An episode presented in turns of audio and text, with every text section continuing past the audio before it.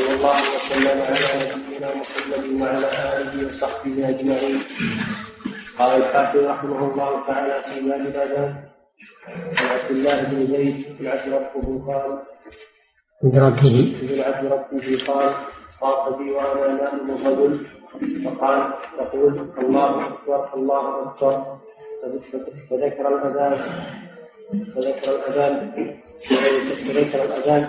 بتربيع التكبير بغير تربيع والإقامة فرادا إلا قد قامت الصلاه قال فلما أصبح اتيت النبي صلى الله عليه اتيت رسول الله صلى الله عليه وسلم فذكرت له ذلك فقال انها لرؤيا حق الحديث. أخرجه أحمد وأبو داود وصححه الترمذي وابن خزيمة. وزاد أحمد في آخره قصة بلال قصة قول بلال في الفجر الصلاة خير من النوم. وابن خزيمة قال وابن خزيمة عن أنس رضي الله عنه قال من السنة إذا قال مؤذن في الفجر حي على الفلاح قال الصلاة خير من النوم. وعن أبي محذورة رضي الله عنه قال أن النبي صلى الله عليه وسلم علمه الأذان فذكر فيه التشجيع أخرجه مسلم. ولكن ذكر ذكر التكبير في أوله مرتين فقط ورواه خمسة مربعة. مربعة. نعم وعن أبي بكر وعن أنس رضي الله عنه قال أمر بلال ان يدفع الاذان ويوصل الاقامه إلا الإقامة يعني قد قامت الصلاة. متفق عليه ولم يذكر مسلم الاستثناء وعن ابي النساء أمر النبي صلى الله عليه وسلم بلالا نعم. بسم الله الرحمن الرحيم. الحمد لله رب العالمين وصلى الله وسلم على نبينا محمد وعلى آله وصحبه وبعد. قال رحمه الله باب الأذان يعني والإقامة. لأن الإقامة أذان فلم يذكرها لأنها داخلة في لفظ الأذان. لما ذكر المؤلف رحمه الله المواقيت مواقيت الصلوات ناسب أن يذكر بعدها الأذان لأن الأذان إعلام بدخول الوقت. فهو بين المواقيت أولا ثم ذكر الأذان بعدها لأنه إعلام بها. والأذان في اللغة الإعلام. قال تعالى وأذان من الله ورسوله إلى الناس يوم الحج الأكبر. أذان أي إعلام للناس. وقال تعالى لخليله إبراهيم وأذن في الناس بالحج. أذن يعني أعلمهم ونادهم أعلمهم ونادهم للحج. هذا في اللغة. أما في الشرع فالأذان إعلام بدخول الوقت بألفاظ مخصوصة. الأذان إعلام بدخول وقت الصلاة بألفاظ مخصوصة والإقامة هي الإعلام بالقيام إلى الصلاة بألفاظ مخصوصة. والأذان مشروع في الإسلام بالكتاب والسنة والإجماع. أما الكتاب ففي قوله سبحانه وتعالى وإذا ناديتم إلى الصلاة اتخذوها هزوا. كان بعض اليهود والنصارى يسخرون من المسلمين إذا سمعوا الأذان.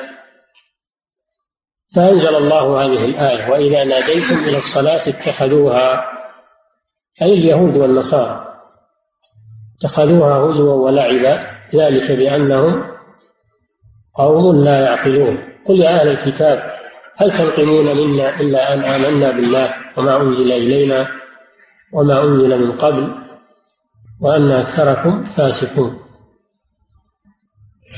قال تعالى يا أيها الذين آمنوا إذا نودي للصلاة من يوم الجمعة فاسعوا إلى ذكر الله. النداء لصلاة الجمعة هو الأذان.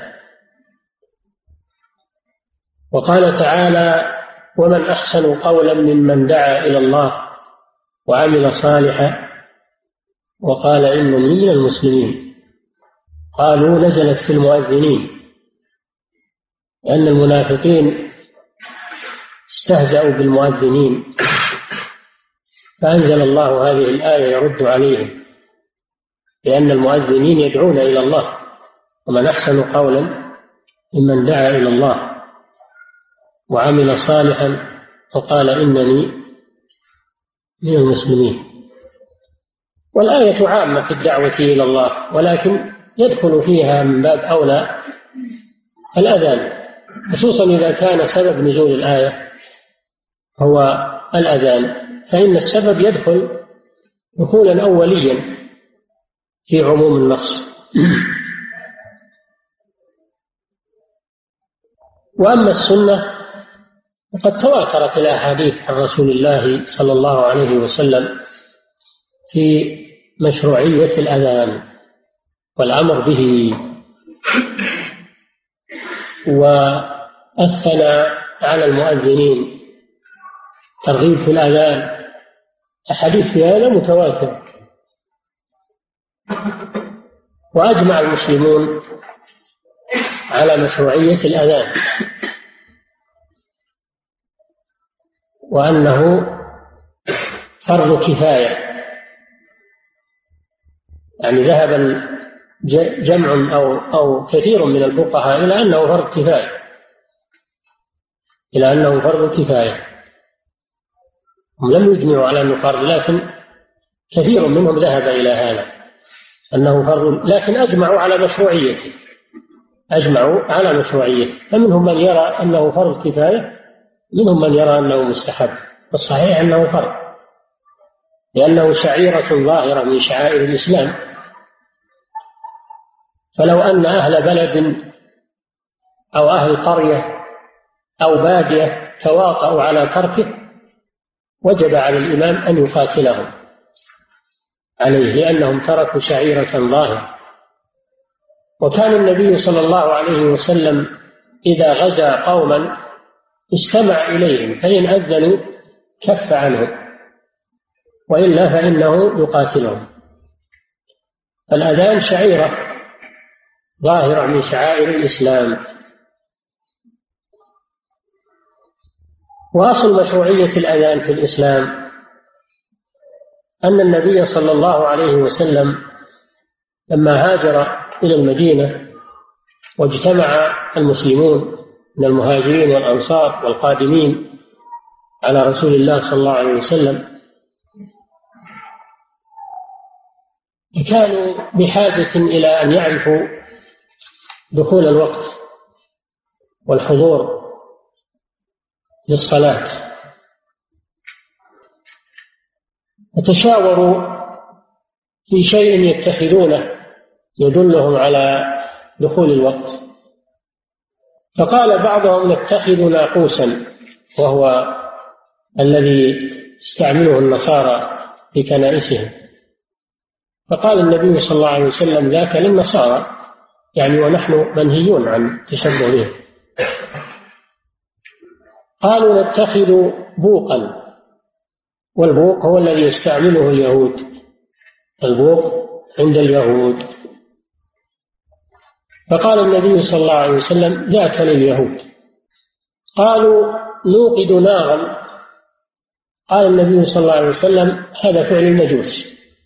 فتفرقوا ثم إن عبد الله بن زيد بن عبد ربه الأنصاري الحجرج رضي الله عنه جاءه آت في النوم يعني في الرؤيا وكان مهتما بهذه المسألة. فرأى معه ناقوسا. رأى مع هذا الرجل ناقوسا. فقال له أعطني إياه. قال وماذا تصنع به؟ قال ندعو به إلى الصلاة. قال ألا أدلك على خير من ذلك؟ قال بلى. قال تقول الله أكبر ثم ذكر الأذان. هذا حديث عبد الله بن زيد. قال طاف بي رجل قال طاف بي وأنا نائم رجل. فقال تقول الله أكبر الله أكبر. فذكر الأذان بتربيع التكبير من غير ترجيع. والإقامة مرتين والإقامة فرادى والإقامة فرادى إلا قد قامت الصلاة. يعني أن هذا الطائف ألقى الأذان على عبد الله بن زيد بألفاظه كلها وألقى عليه الإقامة. فحفظها عبد الله بن زيد في الرؤيا. ثم لما أصبح أتى إلى رسول الله صلى الله عليه وسلم. فذكر ذلك للنبي صلى الله عليه وسلم فقال صلى الله عليه وسلم إنها لرؤيا حق. ألقها على بلال فإنه أندى منك صوتا. فأذن بها بلال رضي الله عنه. فلما سمعه عمر وكان في بيته جاء يجر رداءه. فقال يا رسول الله وأنا رأيت مثل هذا. فقوله طاف بي طاف بي وأنا نائم رجل. يعني مر بي مر بي وتخيل لي في النوم رجل. فقال تقول كذا. المصنف اختصر القصة وهي كما ذكرتها لكم مفصلة. فدل هذا الحديث على مشروعية الأذان للصلوات الخمس.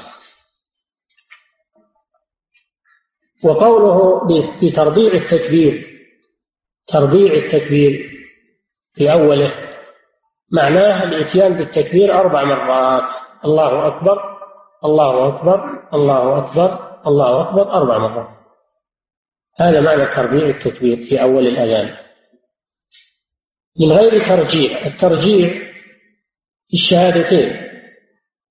ترجيع في الشهادتين وهو أن يقول أشهد أن لا إله إلا الله سرا بينه وبين نفسه ثم يقولها جهرا ويقول أشهد أن محمدا رسول الله سرا ثم يقولها جهرا يرفع بها صوته.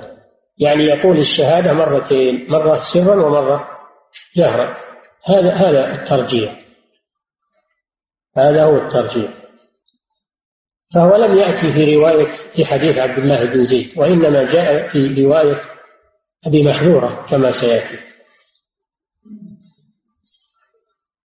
رواه أحمد وأبو داود وصححه الترمذي وابن خزيمة. زاد أحمد في آخره قصة قول بلال بلال هو بلال بن أبي رباح مولى رسول الله صلى الله عليه وسلم. آه، مولى أبي بكر مولى أبي بكر أظن المهم أن بلال رضي الله عنه كان مولى يعني كان كان عبدا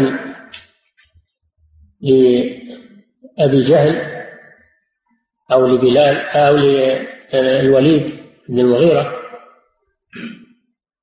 فاشتراه أبو بكر رضي الله عنه وأعتقه. اشتراه أبو بكر فأعتقه. ولهذا يقول أحد الصحابة أبو بكر سيدنا وأعتق سيدنا. يعني بلال رضي الله عنه. في قول بلال في أذان الفجر بعد حي على الفلاح الصلاة خير من النوم. هذه زيادة على حديث عبد الله بن زيد. على رواية أحمد على رواية أحمد والترمذي وأبي داود. زيادة تفرد بها أحمد عن أبي داود. ولابن خزيمة عن أنس من السنة أن يقول المؤذن بعد الصلاة بعد حي على الفلاح الصلاة خير من النوم. هذا من السنة. وإذا قيل من السنة انصرف إلى سنة رسول الله صلى الله عليه وسلم. والمراد بالسنة هنا سنة الرسول. وليس المراد بالسنة هنا المستحب لأن تفسير السنة بالمستحب هذا من اصطلاح الفقهاء.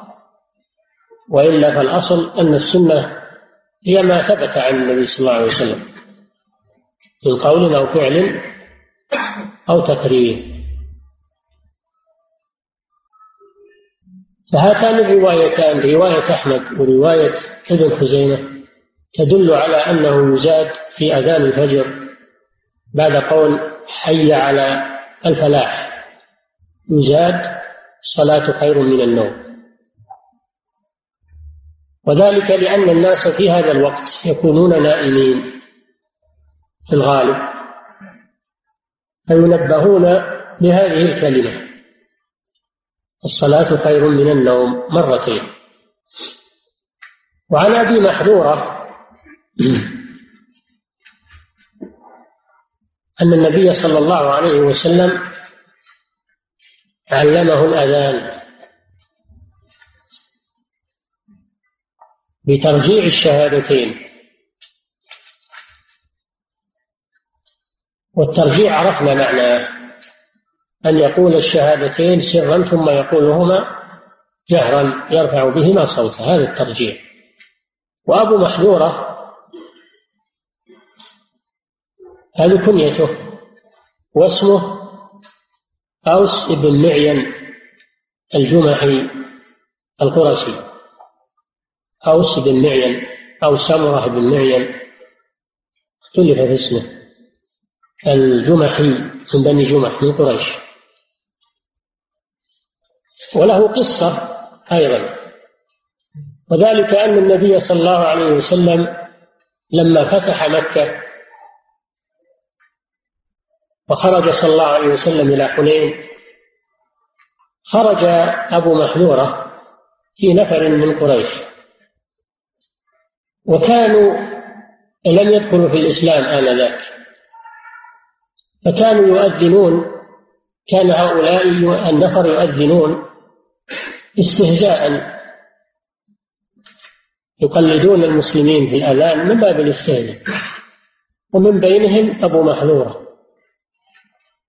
فسمعه النبي صلى الله عليه وسلم وكان حسن الصوت. فطلبه وجيء به إليه صلى الله عليه وسلم فمسح على رأسه وعلى صدره ودعا له ثم قال له قم فأذن. قال علمني الأذان.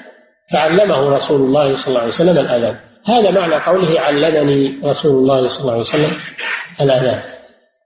علمه صلى الله عليه وسلم الأذان فصار يؤذن في المسجد الحرام في عهد رسول الله صلى الله عليه وسلم إلى أن توفي وهو مؤذن المسجد الحرام. هذه قصته. لترجيع الشهادتين. رواه مسلم لكنه لم يذكر التكبير في أوله إلا مرتين فقط يعني مسلم. مسلم رحمه الله لم يذكر في حديث أبي محذورة التكبير في أول الأذان إلا مرتين بينما هو في حديث عبد الله بن زيد أربع مرات. فصار فيه اختلاف بين حديث عبد الله بن زيد وحديث أبي محذورة. من حيث إن حديث عبد الله بن زيد فيه التكبير في أوله أربع مرات حديث أبي محذورة فيه التكبير مرتين على رواية مسلم. حديث عبد الله بن زيد ليس فيه الترجيع ترجيع الشهادتين. حديث أبي محذورة فيه ترجيع. الشهادتين. أما قضية الاختلاف في عدد التكبير في أول الأذان فحديث أبي محذورة له روايتان. رواية عند مسلم بتثنية التكبير في أول الأذان مرتين فقط. الرواية الثانية وهي صحيحة التي رواها الخمسة أنه بتربيع التكبير ولهذا قال المصنف ورواه الخمسة بتربيع التكبير. هذه رواية ثانية لحديث أبي محذورة توافق حديث عبد الله بن زيد. فيكون العمل إذن على التربيع لأنه ثبت في الحديثين في حديث عبد الله بن زيد وفي حديث أبي محذورة رواية غير مسلم. يكون العمل على التربيع في التكبير في أول الأذان. وأما تكبير مرتين فقط في أول الأذان فليس عليها عمل لأنها مخالفة لما هو أصح منها. ولأن تربيع التكبير هو أذان بلال وابن أم مكتوم في المدينة عند النبي صلى الله عليه وسلم يترجح بهذا على الأذان الذي في مكة. لأن هذا عند الرسول صلى الله عليه وسلم يسمعه كل وقت خمس مرات بحضرته صلى الله عليه وسلم. وربما يكون ناسخا لحديث أبي محذور. فالحاصل أن العمل على رواية تربيع التكبير وهو قول جماهير أهل العلم. وعن أنس رضي الله عنه قال أمر بلال أمر بلال أن يقول أمر بلال أن يشفع أن يشفع الأذان ويوتر الإقامة. يشفع الأذان ويوتر الإقامة إلا الإقامة يعني قول قد قامت الصلاة. معنى يشفع الأذان يكرره. الشفع معناه يكرره مرتين أو أكثر. هذا معنى الشفع. أما الوتر فمعناه ذكر ذكره مرة ذكر اللفظة مرة واحدة هذا الوتر فدل هذا على الفرق بين الأذان والإقامة أن الأذان يكون شفعا يعني مكررة ألفاظه وأما الإقامة فتكون وترا إلا قد قامت الصلاة فإنها تشفع تكرر. والشفع كما سمعتم يشمل مرتين ويشمل أكثر ليكون التربيع ليدخل فيه التربيع بالتكبير والحكمة والله أعلم في شفع الأذان وإفراد الإقامة أن الأذان لدعوة الناس الغائبين فيحتاج إلى تكرار. أما الإقامة فهي لدعوة الحاضرين للقيام للصلاة لا يحتاج إلى تكرار. كما أن الأذان يترسل في أدائه ويرفع الصوت به خلاف الإقامة فإنها تحذر حذرا ولا يرفع الصوت بها لأنها للحاضرين دعوة للحاضرين. هذه فروق بين الأذان والإقامة في الصفة وفي الأداء. في الصفة الإقامة فرادى ما عدا قد قامت الصلاة وما عدا التكبير. التكبير أيضا يكرر في أول الإقامة وفي آخرها بقية الألفاظ فرادى في الإقامة. ما عدا التكبير وقد قامت الصلاة فقط. وأما الأذان فإنه يشفع كله إما أربع مرات وإما مرتين إلا إلا اللفظة الأخيرة لا إله إلا الله فإنها مرة واحدة لا تكرر. هذا هو فرق ما بين الأذان والإقامة. وفي رواية للنساء أن القائل أن الذي أمر بلالا هو رسول الله. لأن في رواية أنس أمر لم يبين الآمر لم يبين الآمر مبني للمجهول. لكن صرحت رواية النسائي بأن الآمر هو رسول الله صلى الله عليه وسلم. ويكون ذلك مرفوعا إلى النبي صلى الله عليه وسلم. على حين أن الأصوليين يقولون إذا قال الراوي كنا نؤمر أو أمرنا بكذا أو ننهى عن كذا أن هذا له حكم المرفوع. له حكم المرفوع. لأن الذي يأمر وينهى هو رسول الله صلى الله عليه وسلم. لكن لما جاء التصريح به في رواية النسائي انتهى الإشكال. فهذه الأحاديث برواياتها استفادوا منها مسائل عظيمة في الأذان. أولا فيه مشروعية الأذان للصلوات الخمس.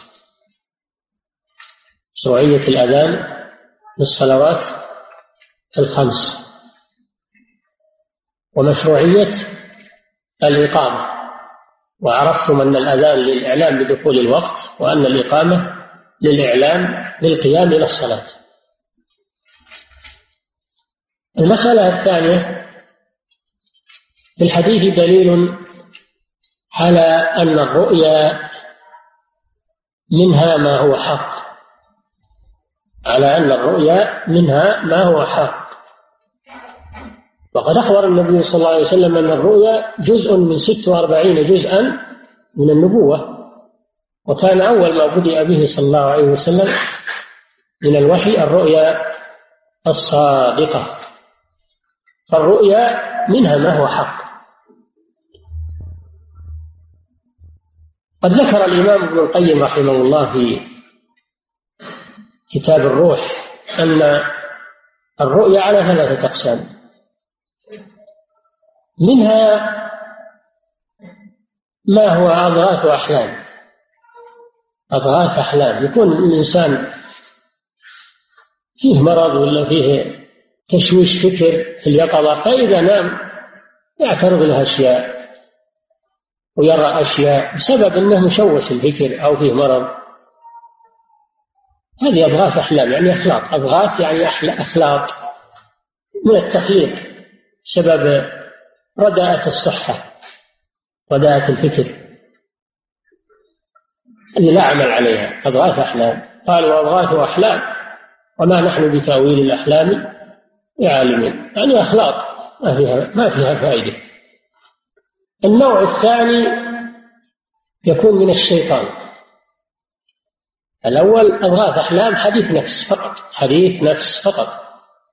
الثاني من الشيطان.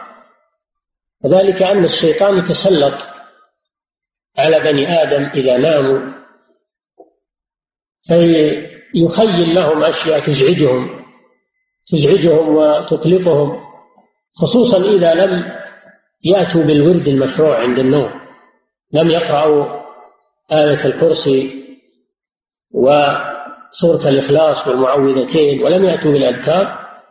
عند النوم فإن الشيطان يتسلط عليهم وينغص عليهم نومهم ويعرض لهم أشياء تقلقهم تزعجهم. فهذه من الشيطان لا لا اعتبار لها. وقد أرشد النبي صلى الله عليه وسلم إلى أن من إلى أن من وقع له شيء من ذلك. فإنه آه، ينفث عن يساره ثلاث مرات ويغير جنبه الذي كان نائما عليه إلى الجنب الآخر. يغير جنبه إلى الجنب الآخر ينقلب من جنبه الذي كان نائما عليه وقت هذه الأحلام.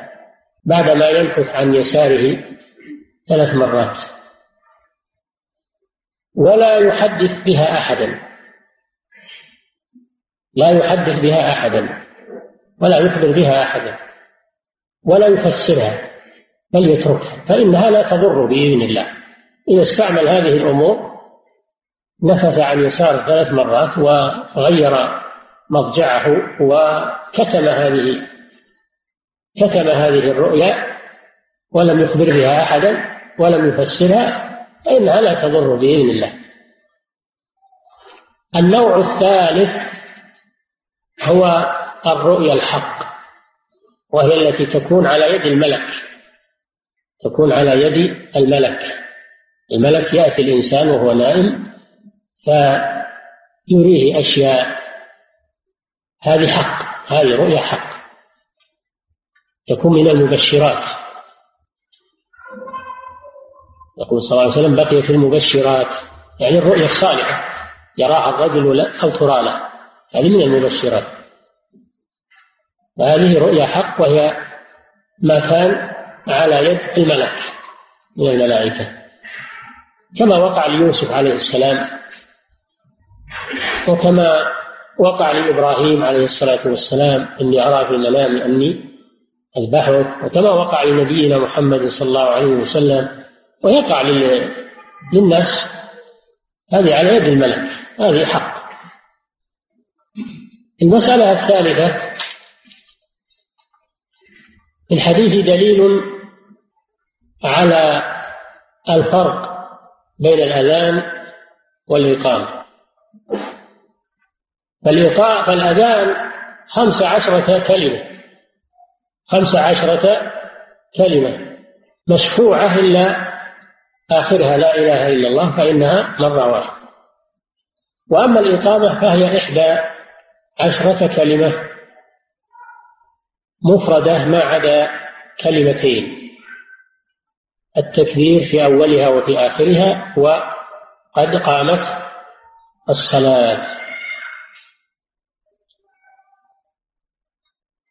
وأن الأذان يجهر به بأعلى صوت وأما الإقامة فإنها لا يجهر بها. وأن الأذان يترسل في أدائه.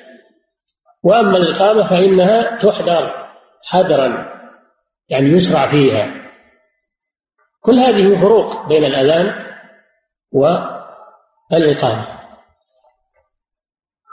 المسألة الرابعة في الأحاديث تربيع التكبير في أول الأذان. تربيع التكبير في أول الأذان. وهذا هو الثابت الذي عليه أكثر أهل العلم. عملا بحديث عبد الله بن زيد وبالرواية الثانية من حديث آه، أبي محذورة. فيربع التكبير في أول الأذان. المسألة الخامسة في الحديث دليل على عدم مشروعية الترجيع على عدم مشروعية الترجيع في الشهادتين.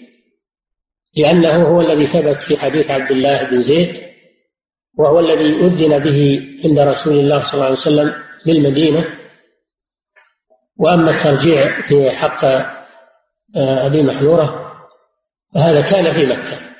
ومن العلماء من يرى أنه لا بأس بالترجيع. إذا عمل به بعض الأحيان لا بأس. بعض الأحيان. لا يداوم عليه لكن إذا عمل به بعض الأحيان فلا بأس يعمل به المؤذن لا بأس. لأنه ثبت في رواية مسلم عن أبي محذورة وكونه يعمل به بعض الأحيان أحسن. لكن لا يداوم عليه. المسألة السادسة في الأحاديث دليل على أنه يزاد في أذان الفجر بعد الصلاة بعد حي على الفلاح. يزاد في أذان الفجر بعد حي على الفلاح الصلاة خير من النوم مرتين. لأن النبي صلى الله عليه وسلم أمر بلالا بذلك. والحكمة كما عرفتم أن هذا وقت ينام فيه الناس غالبا فينبهون بهذه الكلمات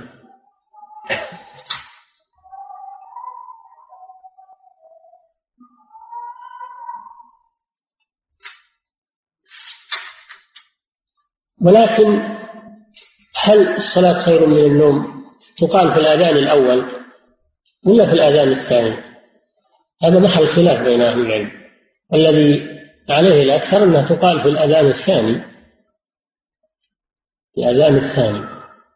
ومنهم من يرى أنها تقال في الأذان الأول لأنه هو وقت نوم الناس. ولكن لا يكون بين الأذان الأول والأذان الثاني مدة طويلة. لا يكون بينهما مدة طويلة. أما إذا أذن وسط الليل ما يقول الصلاة خير من النوم. ما بعد الصلاة إلى الآن.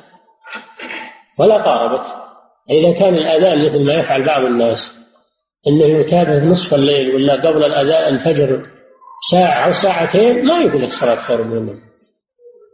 إنما يقول هذا في الأذان الأول الذي قبيل طلوع الفجر. كما قال النبي صلى الله عليه وسلم إن بلالا يؤذن بليل فكلوا واشربوا حتى مؤذن بهم وكان ولم يكن بينهما إلا أن ينزل هذا ويصعد ويصعد هذا. فإذا كان الأذان الأول مقارب فقول الصلاة خير من النوم فيه لها وجه لكن إذا كان متقدم جدا فلا وجه لقولها لأن الصلاة الفريضة لم يحل وقتها هذا يغر الناس. لو قال واحد من الصلاة خير من النوم نصف الليل غر الناس. قاموا جو للمسجد هذا ما يصلح؟ فيلاحظ هذا. أنه إذا كان الأذانان متقاربين فلا مانع أنه تقال في الأول أو في الثاني لأنهم متقاربان. لكن إذا كان بينهما وقت طويل كما اعتاده بعض أهل هذه البلاد فإنه لا يقال في الأذان الأول أن هذا يغرر بالناس والله تعالى أعلم صلى الله وسلم على نبينا محمد وعلى آله وصحبه.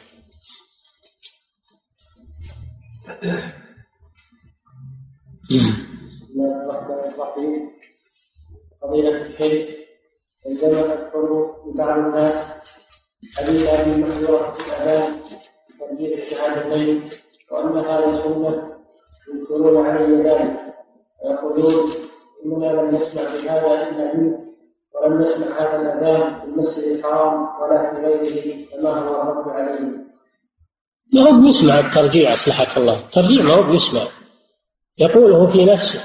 المؤذن يقوله في نفسه ما هو بيسمع يقوله في نفسه سرا.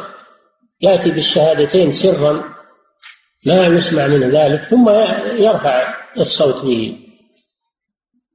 وأيضا لا تقوله للناس تشوش عليهم. إذا أذنت أنت بعض المرات إذا كنت أنت مؤذن بعض المرات وفعلته ما في ذلك. أما أنك تأمر بها الناس لا. يعني هذا يشوش عليهم كما ذكرت. نعم. هل إذا أذن هذا الأذان أي أذان أبي محذورة عندهم في المسجد مع أن مع أن أغلب أهل الحي لا يعرفونه أجبنا على هذا. قلنا ما ما يقول للناس اللي ما يعرفونه شوش عليهم شككهم. وأيضا هو ما هو بيجهر به ولا يسمع ما يسمعونه الناس إنما هو بين المؤذن وبين نفسه. نعم. فضيلة الشيخ ماذا يقال إذا قال المؤذن بأذان صلاة الفجر الصلاة خير من النوم؟ هذا سيأتي إن شاء الله. سيأتي الكلام فيه عند ذكر متابعة المؤذن. سيأتي هذا في مكانه إن شاء الله. نعم. فضيلة الشيخ هل ينكر المؤذن الذي يسمي ألفاظ الإقامة. ألفاظ الإقامة مرادة ما عدا التكبير في أولها وفي آخرها وقد قامت الصلاة. هاتان اللفظتان تثنيان. أما بقية ألفاظ الإقامة فهي أفراد. أشهد أن لا إله إلا الله أشهد أن محمدا رسول الله حي على الصلاة حي على الفلاح. كل هذه أفراد. قد قامت الصلاة قد قامت الصلاة هذه مرتين. الله أكبر الله أكبر مرتين. لا إله إلا الله مرة واحدة. نعم. 11 جملة. 11 جملة. نعم. هل الأذان الأول كفاية أم سنة؟ الأذان الأول للفجر يعني. الأذان الأول للفجر سنة. الأذان الأول للفجر سنة. والأذان الثاني هو الذي لدخول الوقت. مثل الجمعة. الجمعة الأذان الأول سنة. أما الأذان الثاني فهو الذي يكون لدخول الوقت الذي بين يدي الخطيب. هذا هو الذي لدخول الوقت. نعم. الأذان الثاني ما يترك. الأذان الثاني ما يترك. أما الأذان الأول لو ترك فلا بأس. نعم. فضيلة الشيخ هل يشترط في الأذان الوضوء أو القيام أو استقبال القبلة؟ لا كل هذه مستحبات. مستحب في الأذان أن يكون على طهارة وأن يكون مستقبل القبلة وأن يكون قائما. فلو أذن وهو جالس ما ما في بأس. أو أذن وهو على غير طهارة ما في بأس. أو أذن وهو إلى غير القبلة ما في بأس يصح الأذان. لكن يكون تاركا لسنة. نعم. فضيلة الشيخ إذا نسي المؤذن قول الصلاة خير من النوم فما الحكم؟ يقولها إذا نسيها وذكر وهو يعني في حال يقول. وإن وإن ما ذكرها إلا بعد ما انتهى الأذان وراح ما هي بلازمة. نعم. فضيلة الشيخ إذا نسي المؤذن شيئا من ذنوب الأذان وذكر بعد نهاية الأذان فما الحكم؟ يصير ما يصح.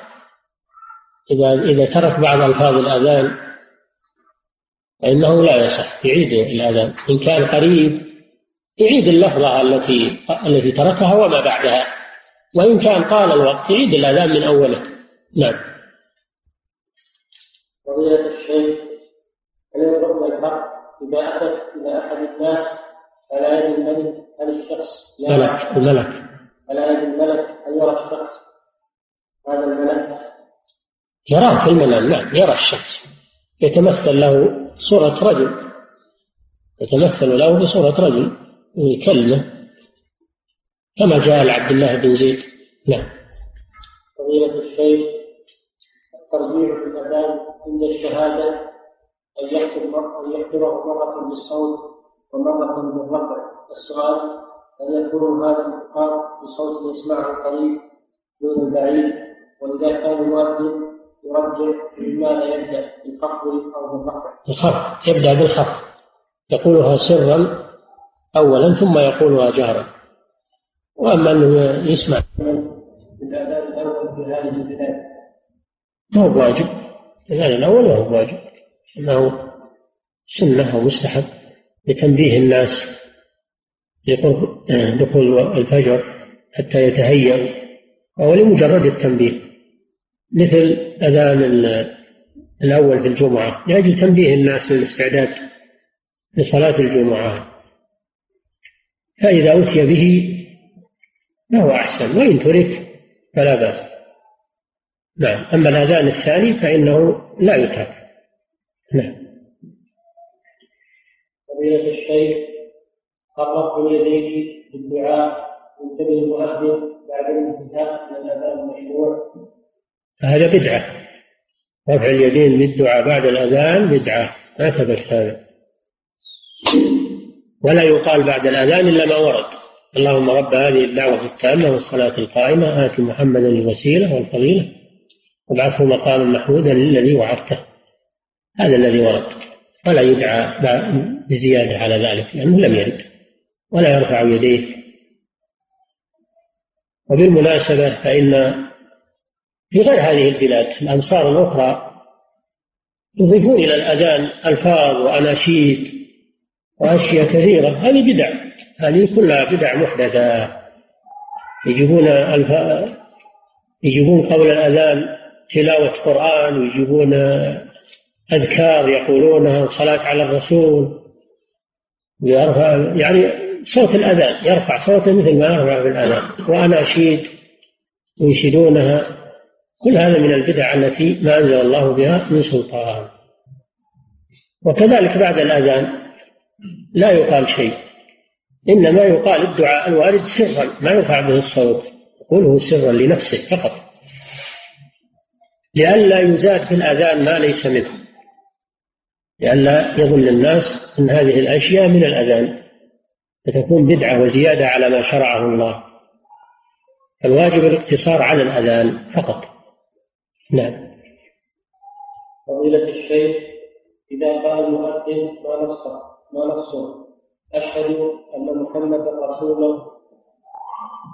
رسول الله بفتح رسول وما حكم هذا لحن. هذا لحن ونقص في الأذان لأنه إذا قال أشهد أن محمدا رسول الله بنصب رسوله ما جاء الخبر. ما جاء الخبر ولا تمت الجملة. أما إذا قال أشهد أن محمدا رسول الله تمت الجملة. جاء الخبر وتمت الجملة. لكن العوام ما عندهم استحضار لهذه الأمور. ما عندهم فتح اللام يترتب عليه تغيير في المعنى وأن ضمها تكمل به الجملة. لا يعرفون هذه الأمور. أذانهم يكون صحيحا إن شاء الله لكن ينبغي أن يعلموا في الأذان الصحيح. نعم. فضيلة الشيخ هل ينبه من يرفع الصوت في الإقامة؟ نعم. هل ينبه من يرفع الصوت في الإقامة ويسترسل بها ويقال له ويقال له. هذا أمر مخالف للسنة؟ لا ما ما يمنع من رفع الصوت لأن الناس إذا سمعوا الإقامة يأتون. وكان بلال يقيم الصلاة آه، خارج المسجد في عهد رسول الله صلى الله عليه وسلم. كان يقيمها على مكان مرتفع من أجل أن يسمع الناس الإقامة. آه، فلا مانع من الجهر بالإقامة. لكن ما يجهر بها كجهر الأذان إنما يجهر بها نسبيا يجهر بها نسبيا.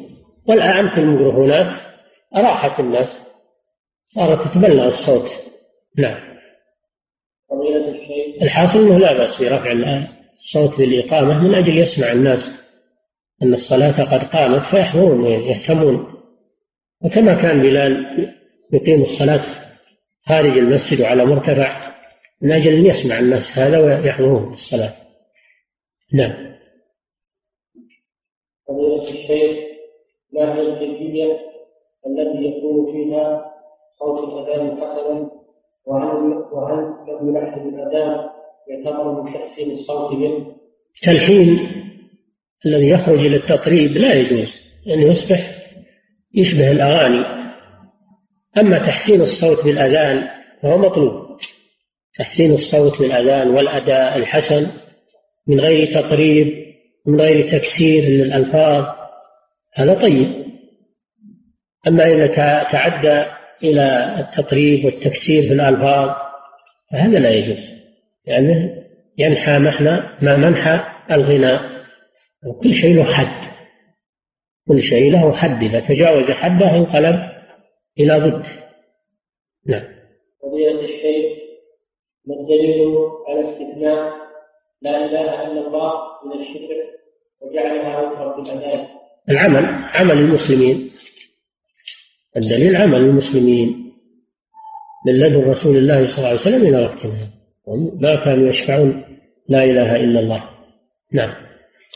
فضيلة الشيخ في بعض البلدان يكون هناك ذكر بعد الأذان ويعلمون أن هذا ليس بسنة. فما الحكم في ذلك؟ وهل تنكر عليهم هذا؟ نعم. تنكر عليهم هذا. هذا بدعة. هذا بدعة. ما عدا الدعاء الذي ورد عن الرسول صلى الله عليه وسلم إنه يقول بعد الأذان اللهم رب هذه الدعوة تامه إلى آخره ولا يجهر به إنما يدعو بينه وبين نفسه. وما زاد على ذلك فإنه يكون بدعة. نعم. فضيلة الشيخ هل يقال إن الأذان الأول مطلوب من الناس فمن اكتسب الاجر وواظب عليه كمن احيا سنة. وكذلك هل يقال إن من السنة أن يكون من يقوم من يقوم بالآذان الأول غير من يقوم بالآذان الثاني.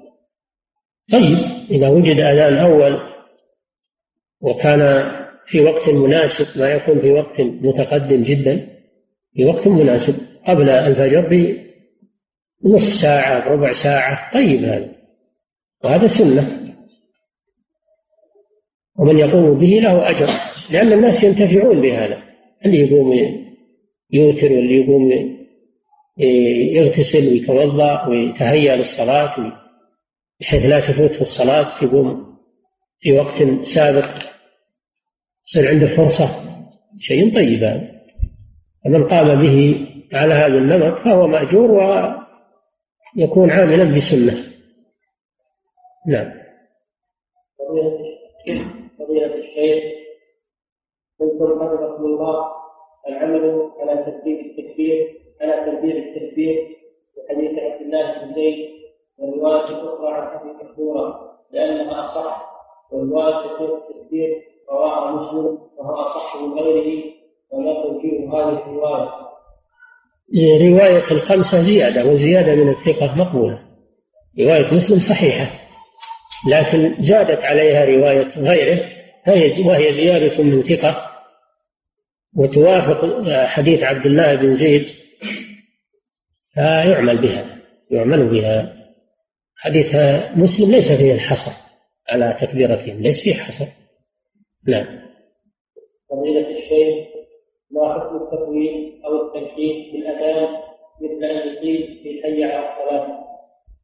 قلنا هذا قلنا الاعتدال تحسين الصوت باعتدال تمديد الأذان باعتدال.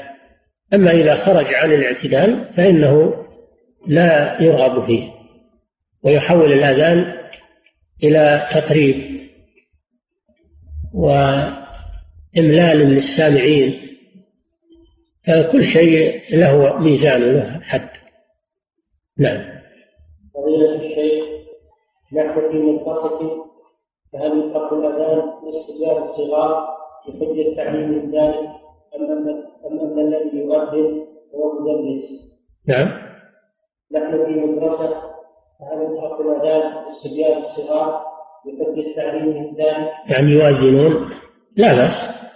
لا بأس أن الصغير يؤذن.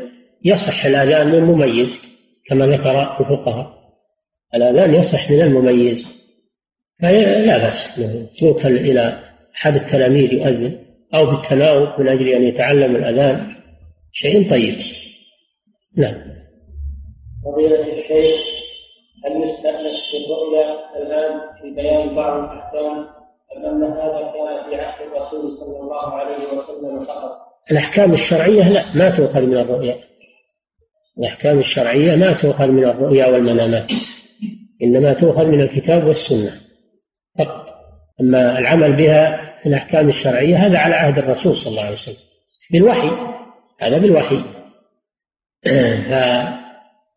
أما بعد الرسول صلى الله عليه وسلم فلا تؤخذ الأحكام من الرؤى والمنامات. هذه طريقة الصوفية.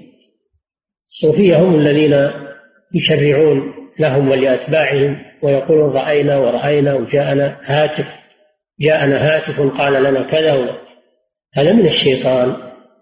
فلا تشريع بعد الرسول صلى الله عليه وسلم. اليوم أكملت لكم دينكم وأتممت عليكم ما توفي الرسول صلى الله عليه وسلم إلا وقد أكمل الله به الدين. فلا يزاد عليه بالرؤيا ولا قصة عن فلان ولا ولا ما, ما ولا ذوق عند الصوفية. الذوق عندهم من الأدلة أيضا. أو العلم اللدني كما يقوله المبتدعة.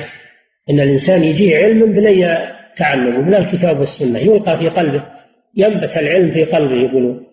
هذا باطل كله كله من الشيطان. ما في علم إلا من الكتاب والسنة أبدا. ولا دليل إلا من الكتاب والسنة وإجماع المسلمين. والقياس الصحيح الأدلة التي ذكرها أهل العلم وهي تابعة. الإجماع لا بد يستند على دليل والقياس لا بد يكون مبني على على دليل فهي تابعة للكتاب والسنة. فالمصدر الأساسي للتشريع الكتاب والسنة هو الأصلي وهو الأساس. أما المنامات والرؤى الأحلام والذوق والعلم اللدني كما يقولون كل هذه من الشيطان. نعم. الشيخ هل ما رآه بعض التابعين من الأموات في الرؤى وكلامهم إياهم وإخبارهم عن حالهم يصح كون الميت يخبر عن حاله وأنه بخير أو أو يوصي بشيء هذه ما هي بأحكام شرعية. هذه ما هي بأحكام شرعية. يجوز التصديق بها إذا كانت من إنسان موثوق. مبشرات مجرد مبشرات.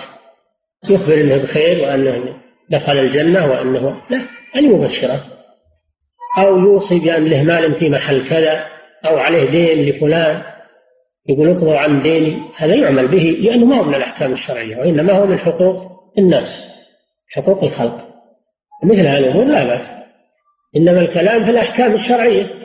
أن يقال هذا واجب ولا مستحب لأنه رأى في الرؤيا كذا أو هذا مباح أو محرم لأنه رأى في الرؤيا هذا باطل ما يجوز.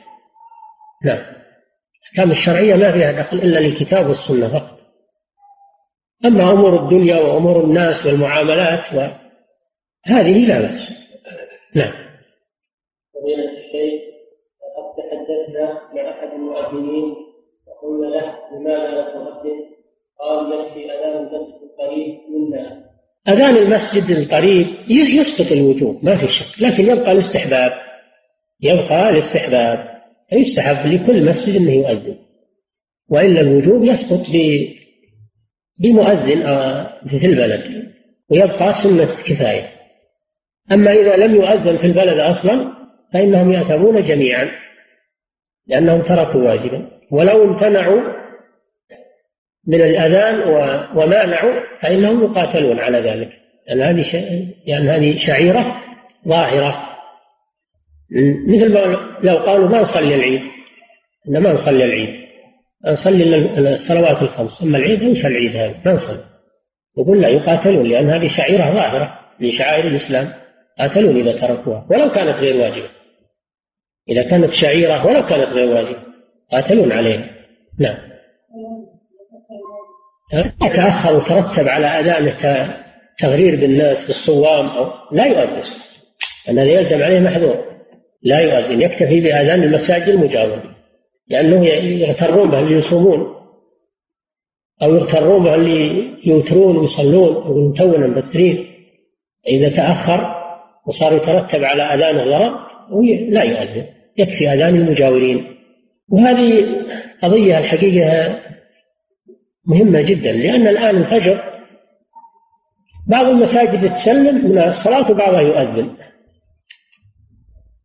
كثيرا ما يقع هذا. بعض الناس يصلون أو مسلمين من الصلاة بينما نسمع واحد يؤذن. هذا غلط كبير. الإنسان إذا تأخر والناس مأذنين إن كلهم ولا بقي أحد يؤذن يسكت هو لا يؤذن. لأنه شوش على الناس وربما أن اللي يصوم يغتر به يأكل بعد الفجر. نعم. أو واحد النيم يقول له تو يذن يبكي النيم ويخلي الصلاة. نعم. فضيلة الشيخ رأيت في بعض في بعض بلدان المسلمين يقيمون الصلاة بنفس إنقاذ الأذان نعم. رأيت في بعض بلدان المسلمين يقيمون الصلاة بنفس إنقاذ الأذان ولا يفرقون في ذلك فما حكم ذلك وهل ينكر عليهم؟ نعم. الذي يخالف السنة انكره فالذي يجعل الإقامة بألفاظ الأذان أو الأذان بألفاظ الإقامة هذا بدعة لا يجوز. أو إما أن يكون جاهلا فيعلم الحكم الشرعي ويعلم الأذان كما علم النبي صلى الله عليه وسلم أبا محذورة. وإما أن يكون متعمدا فهذا يؤدب ويمنع من العبث بالأحكام الشرعية. وإن كان آه، مانع في هذا يعزل عن الأذان يعزل عن الأذان لأنه لا يصلح. نعم. لا إله نعم. فضيلة الشيخ هل الصلاة على الرسول صلى الله عليه وسلم واردة في نهاية الأذان؟ لا أعلم في هذا شيء. أنها مشروعة الصلاة على الرسول صلى الله عليه وسلم عند ذكره. إن كان بمناسبة ذكره فلا بأس. آتي محمدا صلى الله عليه وسلم الوسيلة عند ذكره مشروعة. نعم. فضيلة الشيخ هل على من صلى وحده أذان؟ نعم. نعم يؤذن ولو صلى وحده. خصوصا إذا كان في بر فإنه جاء في الحديث أن الله يعجب سبحانه وتعالى للرجل الشقي من الجبل فيؤذن ويصلي. فيؤذن ولو كان واحدا. ويرفع صوته بالأذان لأجل يسمعه من حوله من الجن والإنس والجبال وتشهد له يوم القيامة. نعم. لأن الأذان أذان ذكر لله سبحانه وتعالى ذكر شعار للإسلام. فيه تعظيم الله جل وعلا فيه الدعوة إلى الإسلام دعوة إلى الصلاة وفيه إعلان التوحيد فهو ذكر عظيم. نعم. فضيلة الشيخ هل ورد في حديث ولو ضعيف قوله حي على خير العمل؟ في بعض آثار لا ما هي صحيحة. هذا من شعار من قول الشيعة. الشيعة هم الذين يزيدون في الأذان حي على خير العمل ولم تثبت هذه اللفظة عن رسول الله صلى الله عليه وسلم. فيها آثار عن بعض عن بعض السابقين ولا تصلح للاحتجاج إنما هذا معروف عند الشيعة. نعم. من الزيدية وغيرهم هم الذي يزيدونها نعم. فضيلة الشيخ ما أدري يرونها عن علي أدري يرونها هم. يرونها عن سلفهم. نعم. فضيلة الشيخ هل قال رضيت بالله ربا وبالإسلام دينا؟ وبمحمد رسولا أثناء الأذان ومن آخر الأذان فقط أثناء الأذان ما ما أعرف شيء في هذا. أثناء الأذان يتابع المؤذن هذا الذي ورد. يتابع المؤذن. فيقول مثل ما يقول. وإذا قال رضيت بالله ربا بعد ما يأتي في اللهم آت محمد الوسيلة والفضيلة لا بأس. في مال نعم. ذكر أهل العلم حديث عن النبي عليه الصلاة والسلام بعد أشهد أن لا إله إلا الله يقول رضيت بالله ربا المسلمين محمد صلى الله عليه وسلم. بعد الأذان؟ هي في أثناء أشهد أن لا إله إلا الله. ما أدري والله. لا أنا ما أدري. الذي ورد أنه يتابع المؤذن فيقول مثل ما يقول. نعم. الشيخ الاعتماد على التقويم في تحديد دخول هل هو ام التكلم؟ تقويم مبني على حساب. تقويم مبني على حساب فلكي ومن كان يستطيع معرفة الصبح بنفسه هو ما يعتمد على التقويم يعتمد على رؤيته هو. أما الذي ما يستطيع رؤية الصبح هو يعتمد على التقويم ما في مانع نعم الشيخ إذا مد أحد أحد المؤذنين الألف التي بعد الباء في قوله الله أكبر فهل يتغير المعنى وهل يصح الأذان؟ الأذان يصح إن شاء الله لكن تمطيط الأذان تمطيط الحروف لا يصلح هذا الأذان يؤدى بألفاظ مناسبة ذكر الفقهاء أنه لو قال الله أكبر في تكبيرة الإحرام يقول لا تنعقد صلاته لأن أكبار جمع كبر وهو الدف هذا الكبر أكبار جمع كبر. يتحرف المعنى ولو ما قصده لكن يتحرف المعنى. قالوا هذا. فعلى هذا ما يمد لفظة الباء ما يمدها. نعم يحذفها حذفا. نعم. لا في الأذان ولا في تكبيرات الصلاة خصوصا تكبيرة الإحرام. نعم. إذا قال أكبر أو أكبر أو آه آلله أكبر كل هذا يقولون ما, ما يصح لأن آه آلله أكبر استفهام. كان يستفهم هل الله أكبر. وأكبر جمع كبر. نعم. فضيلة الشيخ هل المنطقة الشرقية قد ابتلوا قد ابتلوا بالقنوات القرآنية التي تبث بدون الدش ويأتي في هذه القنوات وخاصة في هذه الأيام أفلام ومسلسلات تدعو إلى الزنا وإلى القتل وإلى اختلاط والتبرج والسكون. وقد تعلق الكثير من الشباب والشابات وكبار السن من الرجال والنساء بهذه المسلسلات. وقد أصبحت هذه المسلسلات الحديث الذي يدور في مجالسهم وينادى الشباب الملتزم وخاصة شباب المنطقة ليقوموا في قول هذه هذه المسلسلات الرجاء من الشيخ حفظه الله أن يوجهنا بأكثر من طريقة. لا شك أن هذه فتن عظيمة. نسأل الله أن يقينا وإياكم شرها والمسلمين. هذه فتن. من الفتن التي تبعث في آخر الزمان فتن عظيمة. فعلى المسلم أنه يحذر منها. لا يدخلها في بيته ويبعدها عن بيته ويمنعها من بيته أول شيء. ثم عليه أنه يعظ يعظ الناس ويذكرهم ويحذرهم منها. لعل الله أن يهدي من يشاء ولتبرأ ذمته. فدوره دور النصيحة لإخوانه دوره دور النصيحة لإخوانه. التحذير من شرها.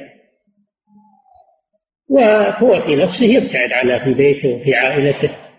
لا يجعلها في بيته لأنها شر. نعم. تؤثر عليه هو. قد يكون الإنسان مستقيما وطيبا ويبغضها في الأول ثم يتساهل شيئا فشيئا إلى أن تصبح شيئا عاديا عنده لأنها فتنة. يبتعد عنها الإنسان يحذر منها. نعم. قضية الشيء بعض الناس يخرج من بيته المسجد بعد الأذان وينبه بالصلاة ويكبر الصلاة الصلاة فما حكم ذلك؟ إذا كانوا يتكاسلون ويتأخرون طيب أنه يمر عليهم ويقول لهم صلوا. أما إذا كانوا ماشيين للصلاة ويتهيئون ما له داعي أنه يمر عليهم يصلوا وهم يتهيئون وماشيين للصلاة. يكفي الأذان وهؤلاء منقادون ماشيون للصلاة. ما له داعي أنه يروح لهم. كان بعض السلف ينكر هذا ويقول يكفي الأذان. هذا في الذين يكفيهم الأذان أما الذين لا يكفيهم الأذان ويتأخرون ويتكاسلون هذا منكر يجب إنكاره لأن يؤمر بالصلاة ويبلغ عنهم رجال الحسبة ويتخذ معهم الممكن لهدايتهم ولصلاحهم ولحضورهم الصلاة نعم الشيخ في زاد المعاد ابن القيم رحمه الله ذكر صور متعددة للأذان فما مدى صحة ذلك؟ ابن القيم كتابه زاد المعاد دراسة يدرس الروايات والأقوال ويبين الراجح منها. ما هو يذكرها ويسكت؟ يبينها ويبين الراجح.